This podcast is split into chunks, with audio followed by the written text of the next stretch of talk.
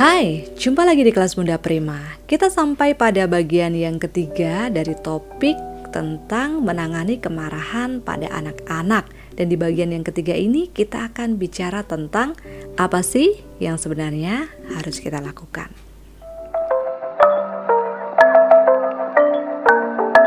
Hai, ini adalah kelas Bunda Prima. Di kelas ini kita akan berbagi bersama pengalaman dan studi tentang anak-anak. Anak-anak adalah anugerah Tuhan. Merawat mereka adalah sebuah panggilan hidup. Saya ingin mengajak semua belajar dan bertumbuh dalam kasih untuk mereka. Saya Bunda Prima, Early Childhood Specialist and Child Counselor, Edukasi Foundation.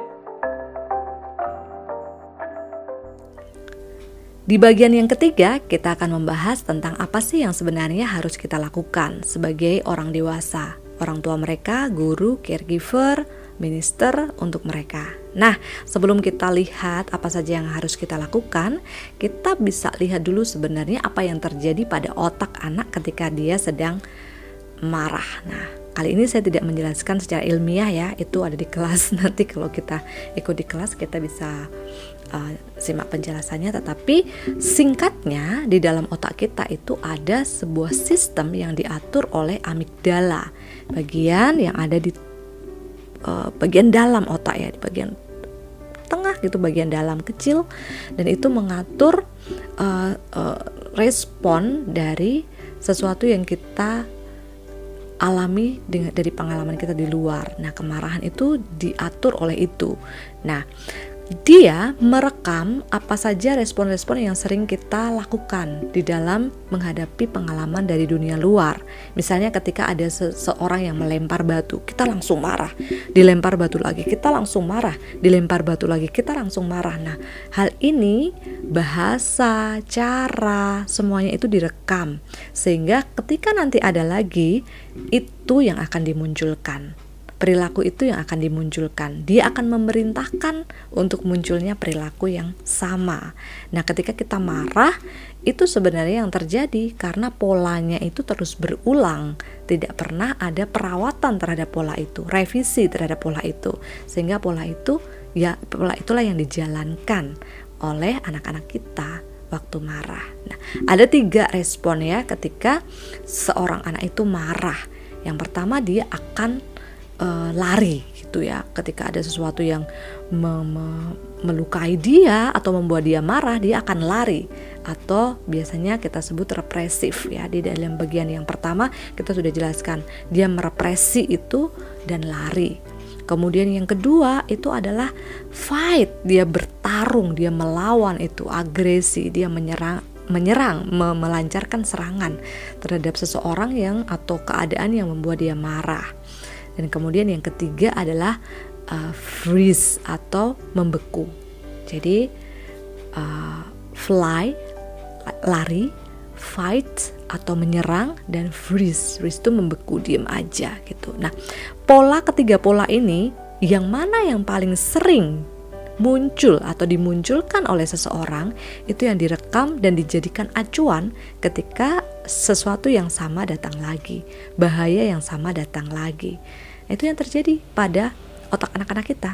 Jadi ketika tidak ada revisi, kita tidak melakukan revisi terhadap hal itu, pola itu, maka itu akan terus berulang. Nah, sehingga kita perlu memindahkan nih antara pola yang sudah berulang itu kepada kebagian yang depan uh, otak depan ya atau frontal cortex yaitu tempat untuk anak berpikir kreatif, pengambilan keputusan, kemudian memunculkan ide-ide yang baru, yang segar, problem solving itu ada di bagian depan. Nah, itu yang kemudian kita uh, tolong anak-anak untuk memfungsikan pola yang lain. Lalu apa sih yang harus kita lakukan? mengetahui bahwa itu sebenarnya yang terjadi dalam otak anak-anak kita. Nah, saya ada satu cerita nih tentang uh, badai di luar rumah. Pernah ada badai ya di perumahan saya berapa tahun yang lalu ya dua tahun yang lalu atau satu tahun yang lalu ada kabar ya bahwa ada angin uh, puting beliung yang menyerang di daerah perumahan saya ini sehingga genting-gentingnya pada terbang. Nah saya bayang waktu itu saya nggak di tempat tapi saya bayangkan ketika hari itu datang dan saya ada di dalam rumah ya. Dan kemudian saya tahu bahwa ada jemuran baju yang ada di uh, jemuran baju ada di depan rumah. Kemudian angin puting beliung itu datang dengan suara yang cukup keras gitu ya. Wuh, wuh, wuh, wuh. lalu apa yang saya lakukan? Ketika saya keluar jemuran saya ada di depan. Apa yang saya lakukan? Saya berdiam dan saya marah balik kepada angin puting beliung itu kan Kenapa kamu datang? Harusnya kamu tidak datang sekarang. Kembali lagi ke asalmu. Tidak ya pasti ya. Pasti yang kita lakukan adalah keluar, lalu kita mengangkat cepat-cepat jemuran itu dan mengamankan dia beserta dengan diri kita. Bener nggak? Nah itu juga yang sebenarnya terjadi dan harus terjadi ketika anak kita marah. Kadang-kadang ketika dia marah, kita balik ingin memarahi dia. Apa yang kamu lakukan? Jangan kamu lakukan ini. Tapi itu justru menambah lama kemarahan itu dan menambah uh, perkembangan kemarahan itu ya. Sehingga yang kita lakukan adalah mengambil aja apa yang perlu kita ambil, lalu kita diam dan kita berikan waktu supaya dia menjadi lebih kalem. Nah, kita sebenarnya tidak harus mengatakan calm down, calm down gitu, karena nggak bisa. Di dalam situasi anak marah, kata calm down itu tidak punya arti apa-apa, tapi dia punya arti buat kita calm down. Jadi, yang harus kita katakan calm down itu bukan pada anak-anak, tapi pada kita sendiri. Kita sendiri yang harus calm down. Ini penting banget ya, kita ingat-ingat. Ketika anak-anak kita marah, kita harus calm down kita terlebih dahulu yang harus calm down, harus tenang, harus ngambil aja apa yang harus kita ambil, ya, apa yang harus kita selesaikan dan bereskan. Misalnya ada fast terjatuh, ya udah cepat-cepat kita bereskan. Setelah itu, ya sudah, kita tunggu sampai badainya selesai. Kan nggak mungkin tuh, kalau misalnya kita keluar terus kita marahin badainya atau angin puting beliungnya terus dia berhenti nggak mungkin kan angin itu tetap harus terjadi, harus menyelesaikan tugasnya. Benar nggak? Nah, nanti ketika dia sudah tenang, baru kita keluar dan kita bereskan apa yang tersisa. Gitu. Nah, kemudian yang kedua, kita harus menyadari bahwa kita sendiri adalah manusia yang berdosa kan? Kita juga punya anger, kita punya kecemasan, kita punya kekecewaan, kita punya rasa frustasi. Nah, kita harus deal dulu dengan kemarahan, frustasi, dan kekecewaan kita. Waktu kita mau melatih anak tapi diri kita sendiri tidak dilatih, itu namanya nonsens ya, tidak mungkin terjadi. Sehingga kenapa saya uh, buat video ini dari akarnya ya, dari dasar sekali sebenarnya bu supaya bukan hanya untuk anak-anak kita tapi kita sendiri terlebih dahulu mengalami pemulihan pelatihan terhadap rasa marah, rasa apalagi kekecewaan, rasa frustasi itu. Supaya kita tahu dan kenal apa saja sebabnya, apa saja faktornya dan kita bisa deal, kita bisa menghadapinya. Gitu. Jadi kita harus deal dulu ya dengan kemarahan, kekecewaan dan frustasi dari diri kita.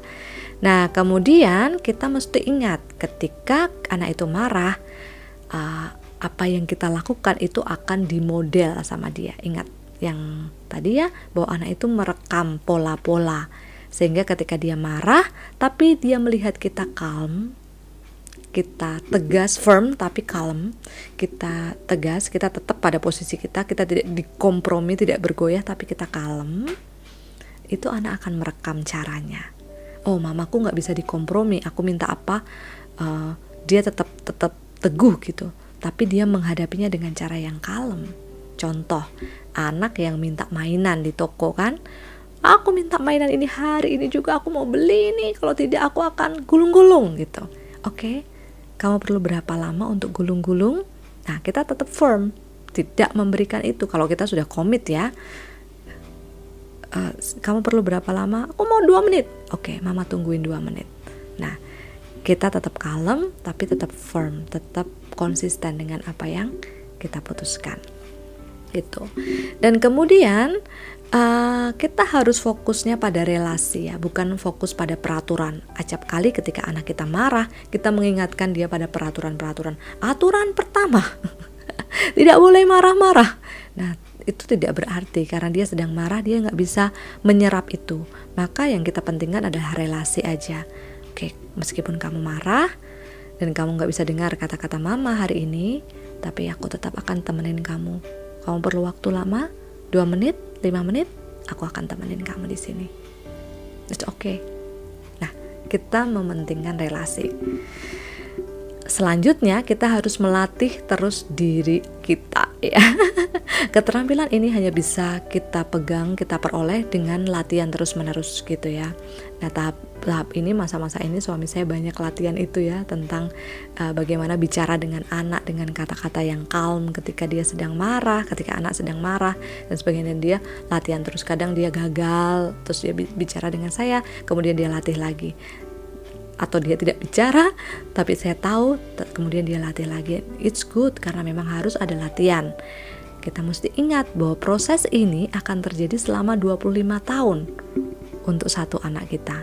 Kalau anak kita dua tiga empat ya panjang sekali ya. Sehingga kita akan uh, dimudahkan ketika kita melatih diri kita terus menerus nah apa saja yang perlu dilatih? Pertama yaitu nafas ya. Kalau kita menghadapi anak kita kita mesti nafas kita harus sangat uh, lega gitu ya. Sangat sangat sangat tenang. Jadi nafas kita latihan nafas. Setelah itu adalah mimik muka. Nah kadang-kadang kita nggak bersuara tapi mimik muka kita. Ya seperti di sinetron orang yang marah itu ya. Matanya bisa sampai uh, mau keluar gitu ya Jangan. Nah, kita melatih mimik muka kita. Oke. Okay? Sorry, mama tetap nggak bisa belikan karena kita udah sepakat. Maaf ya. Tapi dengan senyum, dengan tenang, dengan kalem sekali. Kadang saya ada yang bertanya, tapi kan Bunda Prima orangnya begitu, jadi bisa gampang. Saya kan orangnya susah, suka marah. Loh, tidak. Bisa begini dan begitu itu karena terbiasa latihan perilaku kita, mimik muka, suara semuanya itu kan karena dilatih kan. Kita terbiasa dilatih dan mendengar dan memodel begitu. Sehingga kita lebih biasa begitu marah, lebih biasa kalem. Yang mana itu pilihan kita. Kalau mau ya kita latih. Gitu. Kemudian apalagi misalnya eh suara. Nah, suara saya selalu ngomong ini ada suara atas, suara tengah, suara bawah. Ketika anak marah, maka kita pakai suara maksimal suara tengah atau paling bagus suara bawah ya.